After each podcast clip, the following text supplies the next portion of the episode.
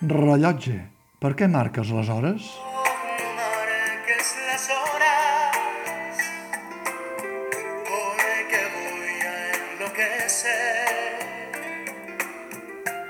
Ella se irá para siempre. Hi ha rellotges que s'entossudeixen a portar la contrària al món.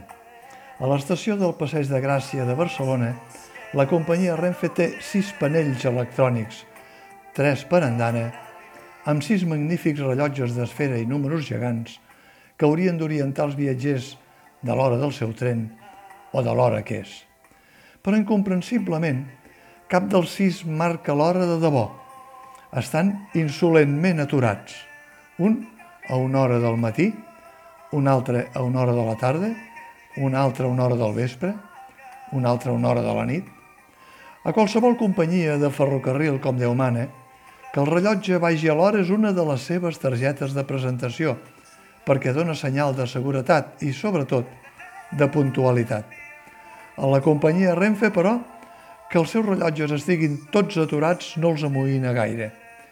Més aviat sembla que rebin els viatgers a cada andana, com advertint-los que no es refiïn de l'hora del seu tren, perquè pot ser que passi tres quarts de quinze, que és l'hora que marca cadascuna de les sis esferes de l'estació del Passeig de Gràcia. El mal hàbit no és exclusiu d'aquesta cèntrica estació de Barcelona, per la qual circulen diàriament desenes de trens i milers de passatgers. També en altres estacions de Barcelona o de la resta del país, a molts vestíbuls, els rellotges de parets s'han declarat en vaga d'agulles caigudes.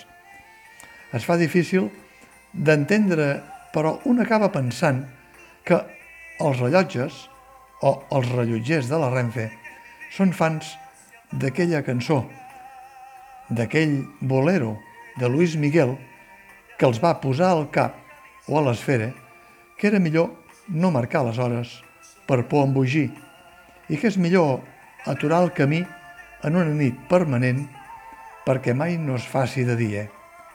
I després diran que els boleros no marquen tendència. No marques las horas, porque voy a enloquecer. Ella se irá para siempre. Cuando amanezca otra vez, más nos queda esta noche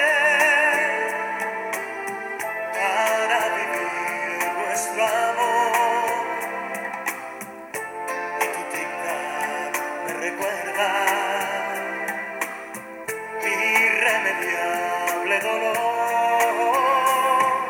Reloj, detén tu camino, porque mi vida se apaga.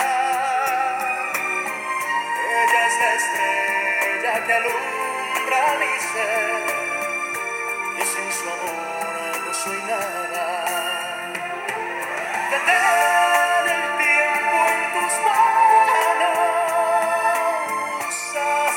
noite, peraí.